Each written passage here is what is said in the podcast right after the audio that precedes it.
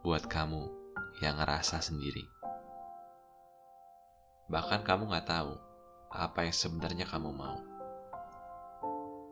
Sendiri ngerasa sepi, ramai gak menikmati. Dan gak jarang, kamu malah sengaja cari keramaian. Temenan sana sini, sampai gak tahu mana yang benar-benar temen. Nongkrong ke sana kemari, sampai gak tahu mana yang benar-benar demen. Intinya biar nggak dilihat menyendiri dan biar kelihatan gaul. Padahal itu sama sekali bukan diri kamu. Ya, kalau itu yang kamu mau, lakuin aja.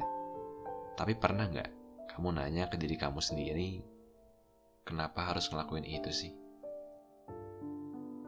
Takut diejek orang, atau takut terlalu nyaman sendiri sampai-sampai beneran gak punya temen. Itu berat sih.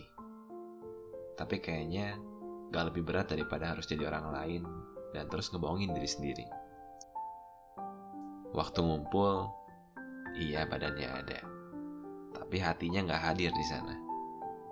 Kamu bisa senyum buat orang lain. Tapi buat diri sendiri, bisa nggak? Pertanyaannya sih, mau sampai kapan? Kamu ngorbanin diri kamu sendiri buat sesuatu yang mungkin gak benar-benar kamu butuhin. Ya, itu terserah kamu sih. Mana yang kamu pilih? Buat kamu yang rasa sendiri.